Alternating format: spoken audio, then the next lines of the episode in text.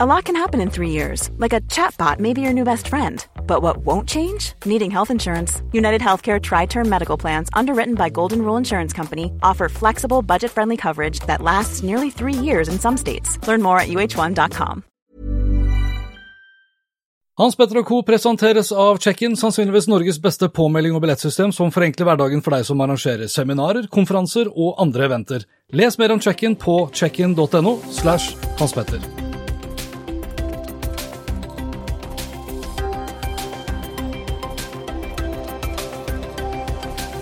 I denne episoden her så skal det handle bl.a. om Podkast-Norge og falske lyttere, om Skipsted som er bekymret for mediemangfoldet, og om Innovasjon Norge som mener vi bør lære av Silicon Valley. Jeg heter Hans Petter, velkommen til Hans Petter og co. Denne episoden ble spilt inn torsdag 16. januar. Litt forsinket eh, der, altså. Lenker til alt jeg har snakket om og øvrige innslag finner du selvsagt på hanspetter.info. Ok, nå er det over to år siden NRK og podkastsjef Vilde Hjort Batzer tok initiativ til å samle bransjen rundt eh, en offisiell valuta, eller en offisiell liste for podkastlytting her til lands. Målet, som det står, har vært å utvikle en offisiell liste over de mest populære podkastene i Norge. Og før vi kommer inn på selve podtoppen, som det heter, så kan vi jo dra fram litt tall om Podkast-Norge.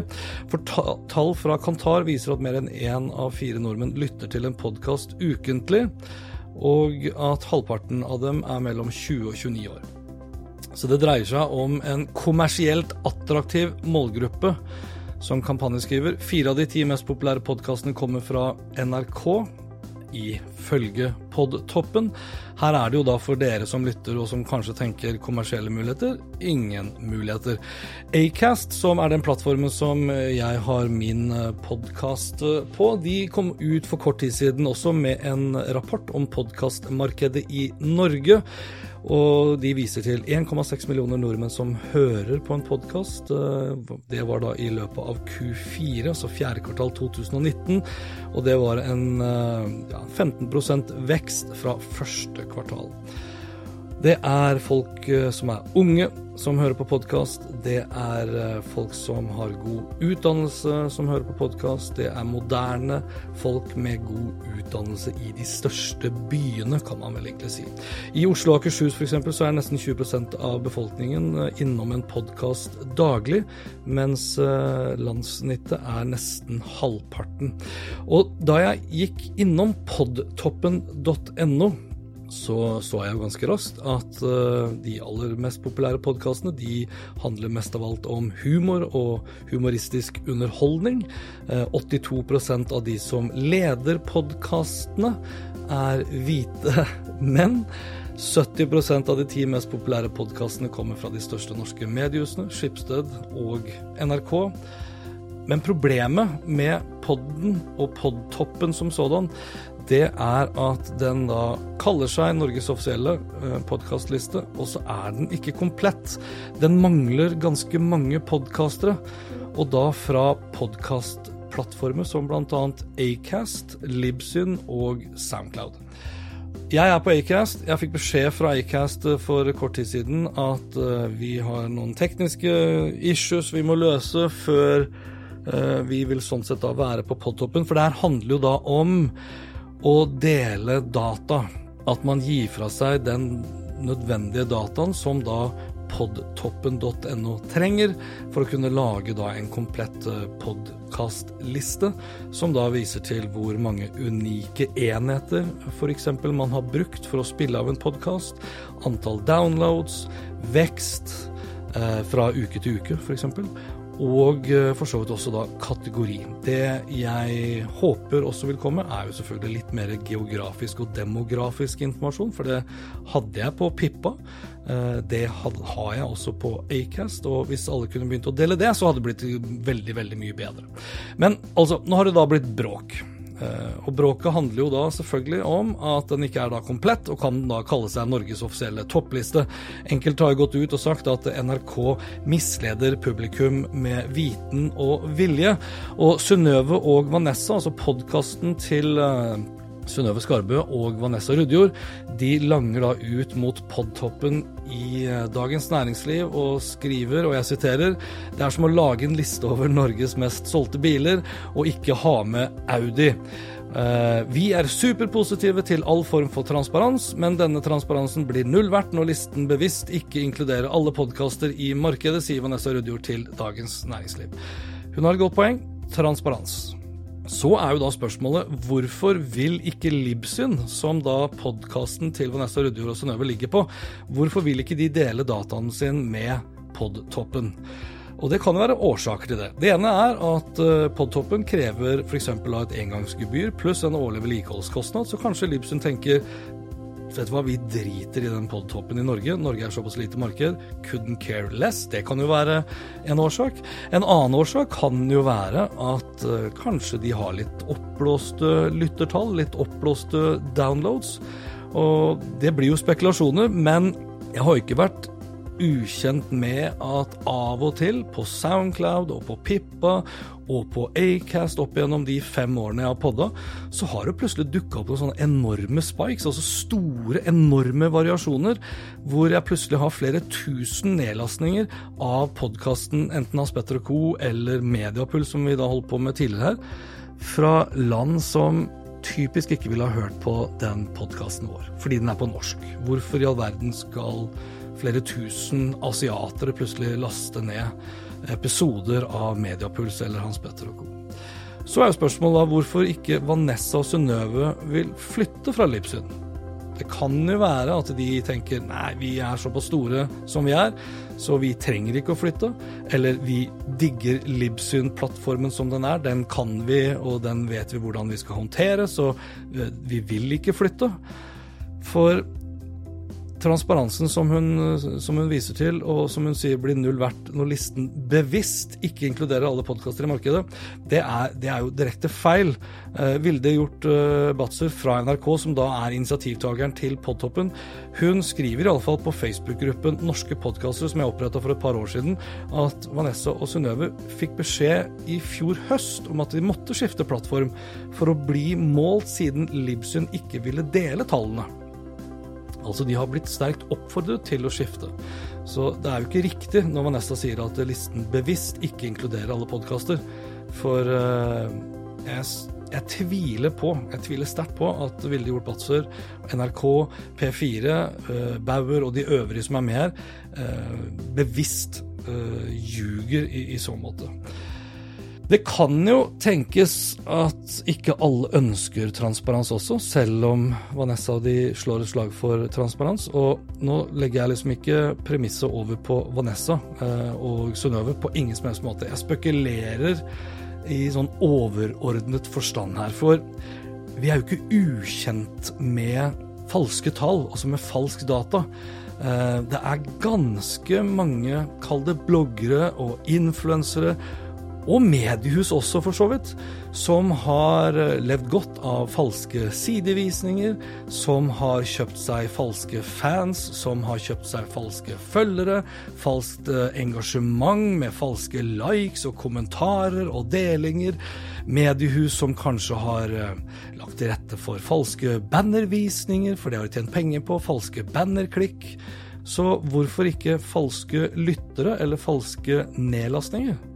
For det fins mange slike tjenester. Og Nå skal ikke jeg navne noen av disse tjenestene her, men jeg har et lite Google-søk etter podcast, fake, downloads eller eh, bots som driver med downloads eller subscriptions eller streams etc., så kommer det opp ganske mange forskjellige leverandører som tilbyr deg pakker hvor du kan kjøpe deg da nedlastninger eller downloads eller streams.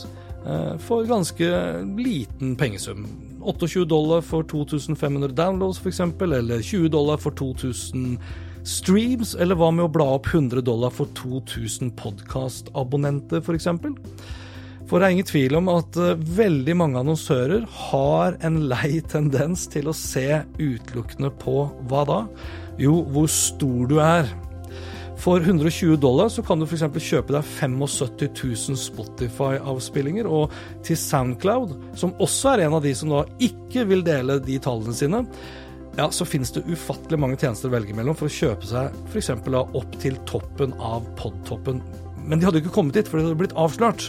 Og noen av disse aktørene, om det er Libsyn eller om det er Soundcloud, som vi vet sliter også rent økonomisk, kan jo være at de har en interesse av å pumpe opp egne tall, egne downloads, egne kunder etc. Fordi det er ingen tvil om at det foregår en konsolidering, oppkjøp av diverse podkastplattformer i dag, fordi podkast som en plattform og som, en, som, et medium har vokst kraftig. Så jeg, jeg mistenker at det er en dårlig årsak til at aktører som Libsyn osv.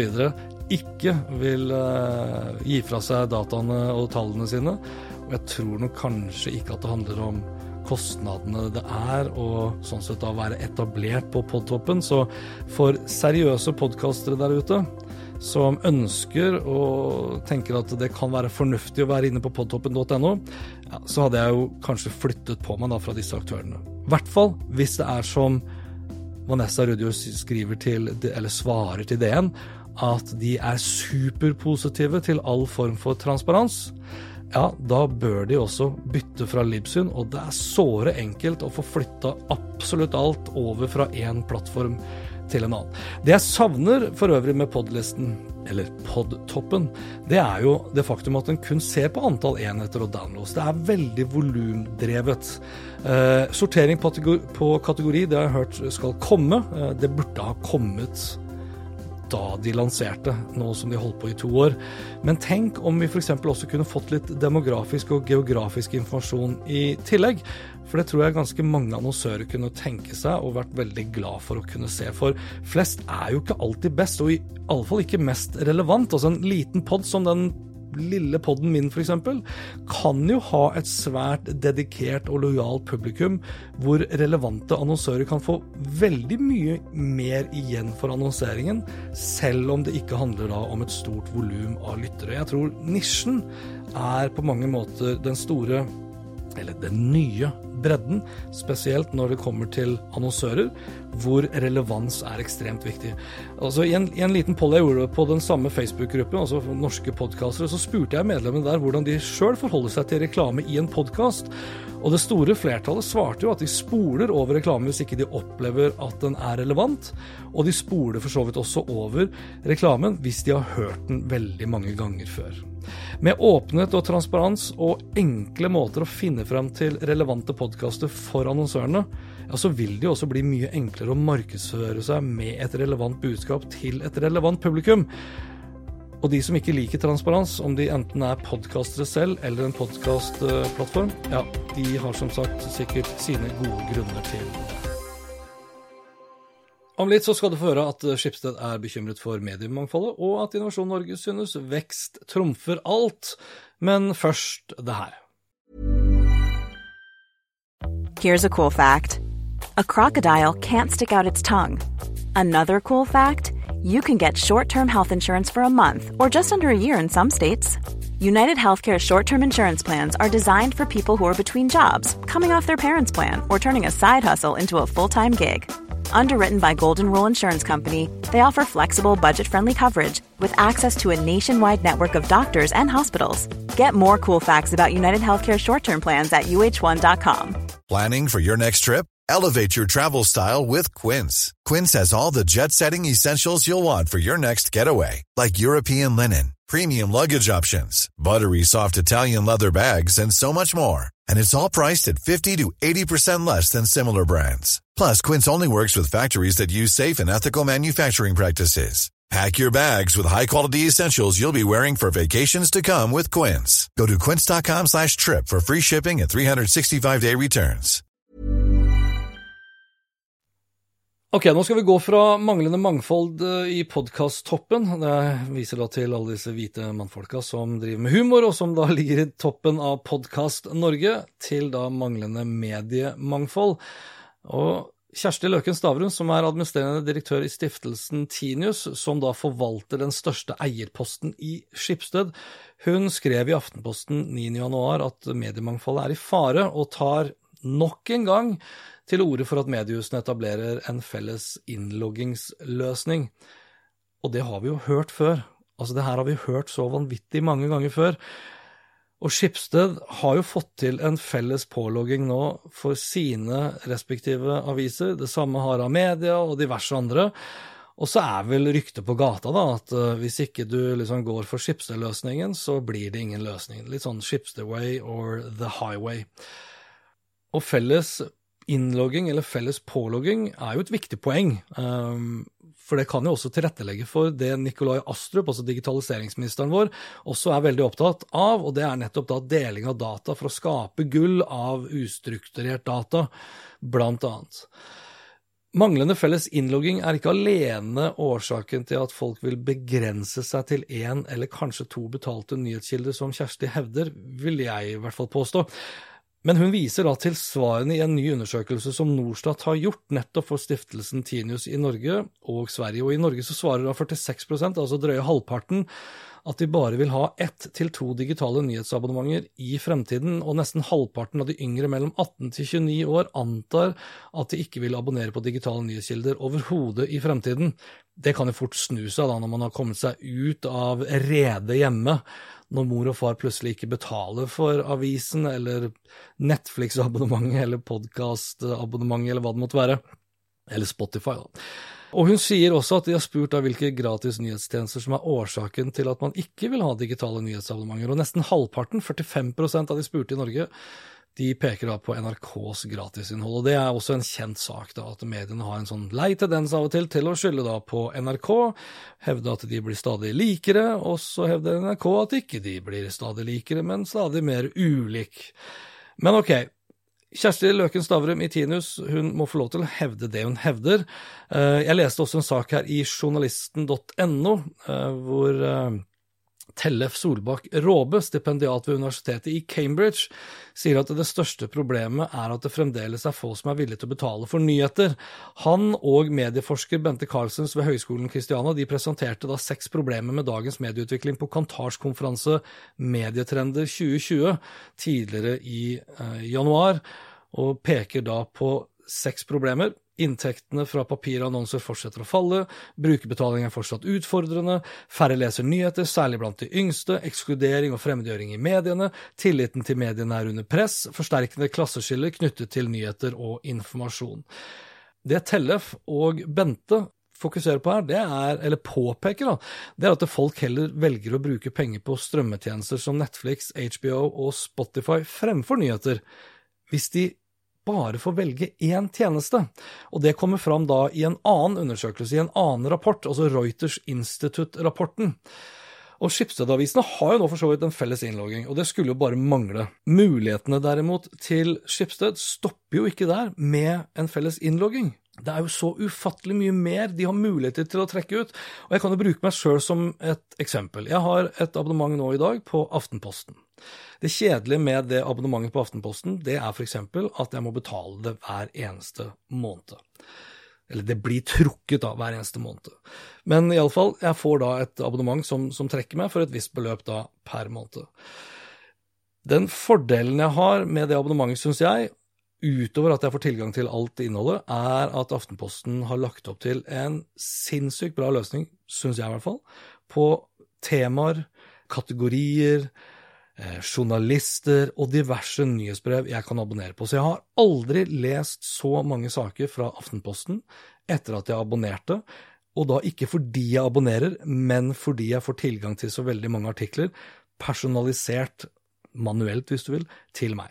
Men basert på alt det jeg da leser, alt det som da Aftenposten, som er en del av Skipsted, vet at jeg er interessert i, Hvorfor ikke benytte seg av den dataen til å kanskje foreslå artikler fra BT, Stavanger Aftenblad, Fedrelandsvennen eller andre som de også kunne ha samarbeidet med?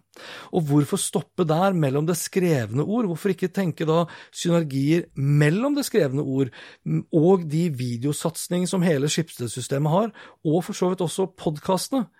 Altså, da hadde man i hvert fall innad i Skipsted-systemet brukt dataene mer fornuftig, skapt mer gull ut av de dataene for annet mer målretta innhold, og for så vidt også da mer målretta markedsføring. Og det kunne jo vært at uh, Det kunne vært at det hadde vært aktuelt for meg å abonnere på flere aviser, fordi jeg abonnerer på Aftenposten og får tilbud kanskje da om å øke mitt totale Schibsted-abonnement, men det stopper jo der.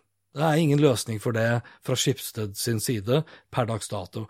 Og det er heller ingen løsning for at uh, kanskje den artikkelen jeg blir anbefalt da fra en annen Skipsted-avis fordi jeg leser x antall artikler fra Aftenposten om det samme temaet, at jeg får tilgang til det, at det blir foreslått til meg. Uh, skal jeg lese den ene artikkelen i BT, ja, da må jeg abonnere på BT. Skal jeg lese den ene saken, eller skal jeg ut på den ene lille turen, i en annen avis, ja, da må jeg kjøpe hele bilen.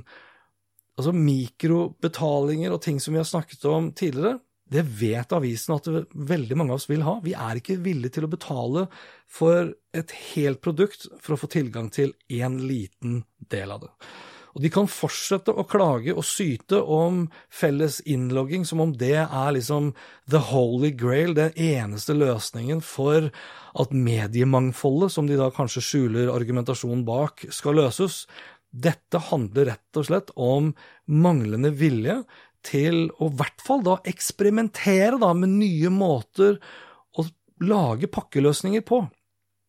For hvor mange abonnement kan jeg ha? Altså, I dag har jeg ufattelig mange forskjellige abonnement, være seg da på aviser, på bøker, på musikk, på TV-serier og på filmer. Og det blir en del regninger og fakturaer som skal betales og belastes hver eneste måned. For meg så er det et issue. Det andre er selvfølgelig da, og kanskje også det viktigste, det er jo den totale prisen jeg må betale for det innholdet jeg og min familie skal tåle, rett og slett, for å kunne konsumere det vi må. Så pakkeløsninger tror jeg vi kommer til å se mer av innenfor video når det kommer til strømmetjenestene. Pakkeløsninger bør i hvert fall skifte etter hvert nå også begynne å komme. بتصل فيك مشان الشغاله المحطوط على الانترنت عندك للامانه الشهاده مؤشرها سبيل زينه ولو دقعتها الساعه 5 الفجر ما تكشف نفسها وزينه فينا نشوفها انت انت وجه الاسئله هذه شوفي شوفي الناس اللي انا قاعد اقول In the Gulf, women employed as domestic workers are being sold online via apps provided by Google and Apple. It's been called an online slave market. Det du hørte lyden fra nå, var en BBC-dokumentar som jeg så på YouTube her om dagen, og den handlet om kvinner i Kuwait som blir åpenlyst solgt som slaver via apper, apper som er tillatt av selskaper som Apple og eh, Google. Og, og videoen i seg selv er helt forferdelig. Det er en ekstrem god dokumentar som BBC har lagt ut her på YouTube, og lenken legger jeg selvsagt ut på Hans Petter Men det fikk meg også til å tenke på en artikkel som jeg skrev i oktober 2019. Og da skrev jeg om appen Absher, som ble utviklet av sjeikene i Saudi-Arabia for å få mer kontroll på kvinnene deres. Og ved hjelp av Absure, som er tilgjengelig også her i Norge via Google Play og Apple Store, så kan da de saudiske mannssjåvinistene overvåke, kontrollere og begrense hva deres koner og døtre gjør, skrev jeg. Og med Absure så kan de hindre at kvinner også da søker på jobb, og de kan for så vidt også inndra deres rett til å reise. Mot slutten av 2019, enda litt senere, så skrev Gro Dyrnes, og hun er direktør for Innovasjon Norge i Amerika. Hun skrev da på Skifter om The Silicon Valley Way, hvor hun da synes åpenbart at flere av oss bør la oss rive med av nettopp hvordan da Silicon, Way, Silicon Valley fokuserer da på vekst. Eh, Hun skriver, og jeg siterer, det nordiske tankesettet bidrar kanskje til at det oppleves som tryggere for mange å bygge gradvis og kanskje også mer bærekraftig, men i Silicon Valley er man forberedt på å ta jobben med å hente inn ekstern kapital og følge opp eksterne investorer for å tilfredsstille drømmen om eksponentiell vekst. Så er jo da spørsmålet om vekst er det eneste riktige og kanskje det eneste etiske, for så vidt, å trakte etter. Spesielt da i disse dager hvor bærekraft og etikk står i økende grad på agendaen. Gro spør videre om Silicon Valley-gründerne ikke ser at det er et alternativ til å bygge stein på stein, opp imot ekstremt fokus på vekst, og at det er det som er best på forretningen på lang sikt. Men det som er best, på, best for forretningen på lang sikt, er det best for samfunnet, miljøet og konkurransen? Og er det etisk og moralsk riktig? Og er det riktig for så vidt da av Innovasjon Norge å ukritisk eh, vise til eh, hvor fett det er i Silicon Valley. Altså, nå, har jo, nå har jeg jo snakket om mediemangfold, og når mediebransjen sjøl snakker om mediemangfold, ja, så snakker de veldig ofte om utfordringen de står overfor når det kommer til f.eks. giganter som Facebook og Google, som holder til i Silicon Valley. Ofte så kommer man da inn på skatt. Er det riktig f.eks. av Innovasjon Norge å hause opp Silicon Valley, som er verdenskjent for hvor lite de betaler skatt i de landene de opererer i? Er det riktig av Innovasjon Norge å hause opp Silicon Valley, som blir beskyldt for å drepe all annen innovasjon og konkurranse? Eller aktører som da blir påtalt og bøtelagt for å misbruke våre data, ikke håndtere personvernet på en skikkelig måte, som mest av alt sentraliserer makt, global makt, ned på noen få aktører, som vi vet er ja, ganske godt kjent om dagen for dårlig behandling av ansatte. Det ryktes jo om nærmest borgerkrig innad i Google om dagen, og vi ser at den vi ser at inne hos Facebook så er det jo dårlig arbeidsmoral, som igjen fører til at de sliter med å ansette, ansette nye mennesker. Vi kan jo også diskutere hvorvidt uh, selskapene i Silicon Valley har manglende grad av etikk og moral og føyer seg til Kina, etter hvert som de ser muligheter for å sånn sett oppnå eksponentiell vekst i nettopp eh, Kina. Eh, vi vet jo at det her er avhengighetsskapende dopamin aktiverende måten å bygge applikasjoner på ikke nødvendigvis fører med seg altfor mye godt. og Vi ser jo at applikasjoner som mange av de samme Silicon Valley-selskapene har utviklet, bidrar med sosial angst, depresjon og for så vidt selvmord. Vi har sett uh, utviklingen og oppveksten av falske nyheter og propaganda, tilretteleggelse for terror og folkemord. De har uh, ingen problemer med å ta imot penger fra, altså blodpenger vil jeg kalle det, fra Saudi-Arabia.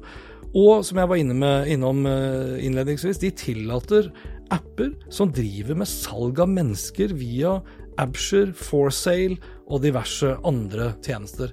Helt åpenlyst. Til og med altså, i den BBC-dokumentaren fra Kuwait så var det ikke bare Forsale og et par andre apper som eh, de viste til.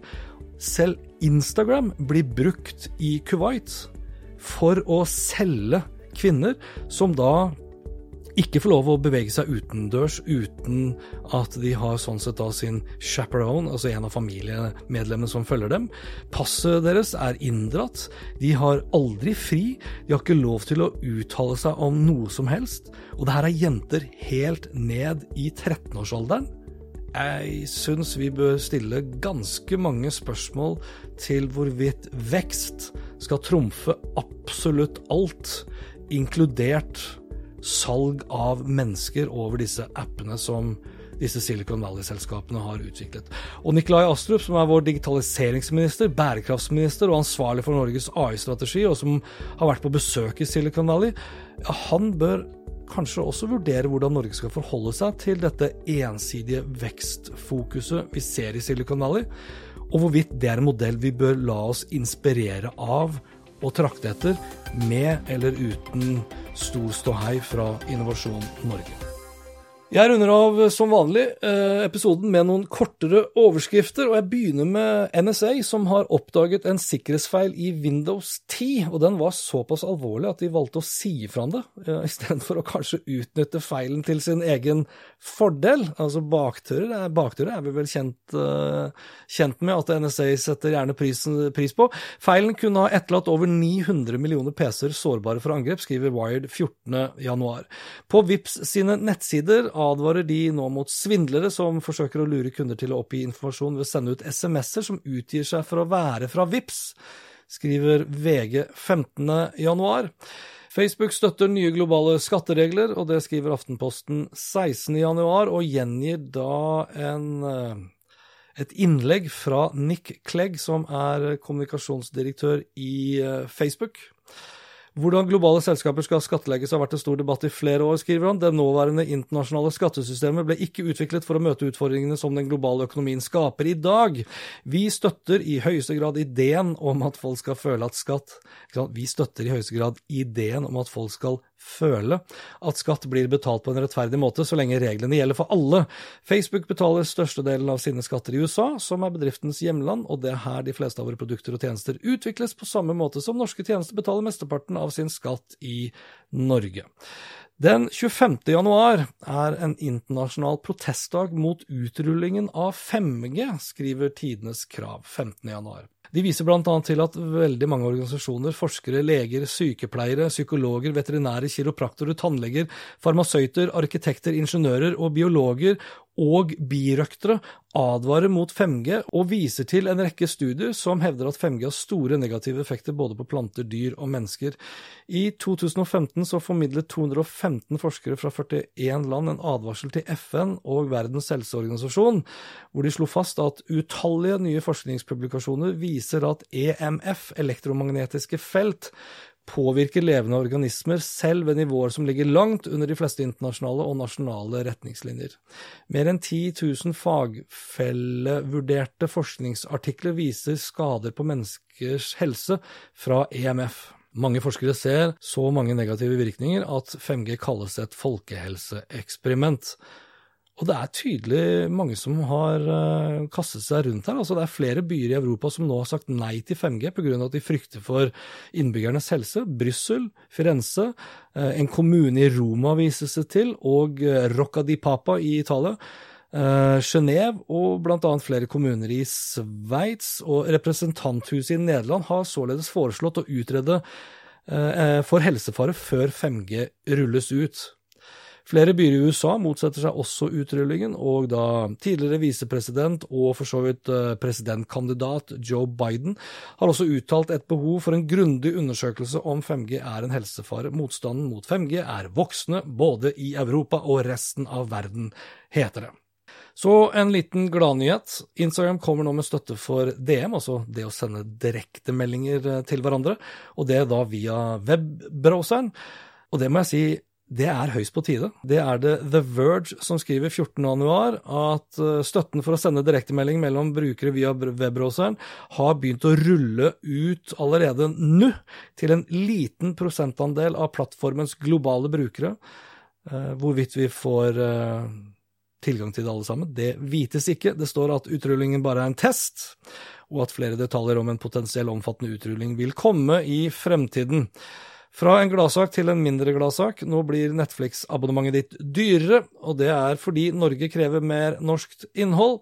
Og Jeg skal ikke si at det var det jeg sa, men det var det jeg sa eh, for ikke så lenge siden, blant annet på NRK, at når uh, Trine Skei Grande krever at uh, Netflix og andre strømmeleverandører må ha en viss andel norsk-nordisk innhold, ja, da må jo Netflix bla opp, og når Netflix blar opp, så er det jo stor sannsynlighet for at vi må ta en del av regningen. Og nå skal altså da Netflix skru opp eh, prisen med 20 spenn for det dyreste abonnementet. Det er selvsagt det familieabonnementet som jeg har, og det er nettstedet tech.no som skriver. Prisen stiger fra 139 til 159 kroner. Og som det heter, årsaken skal være et økt fokus på eksklusivt norsk innhold samt i gåstein bedre teknologi.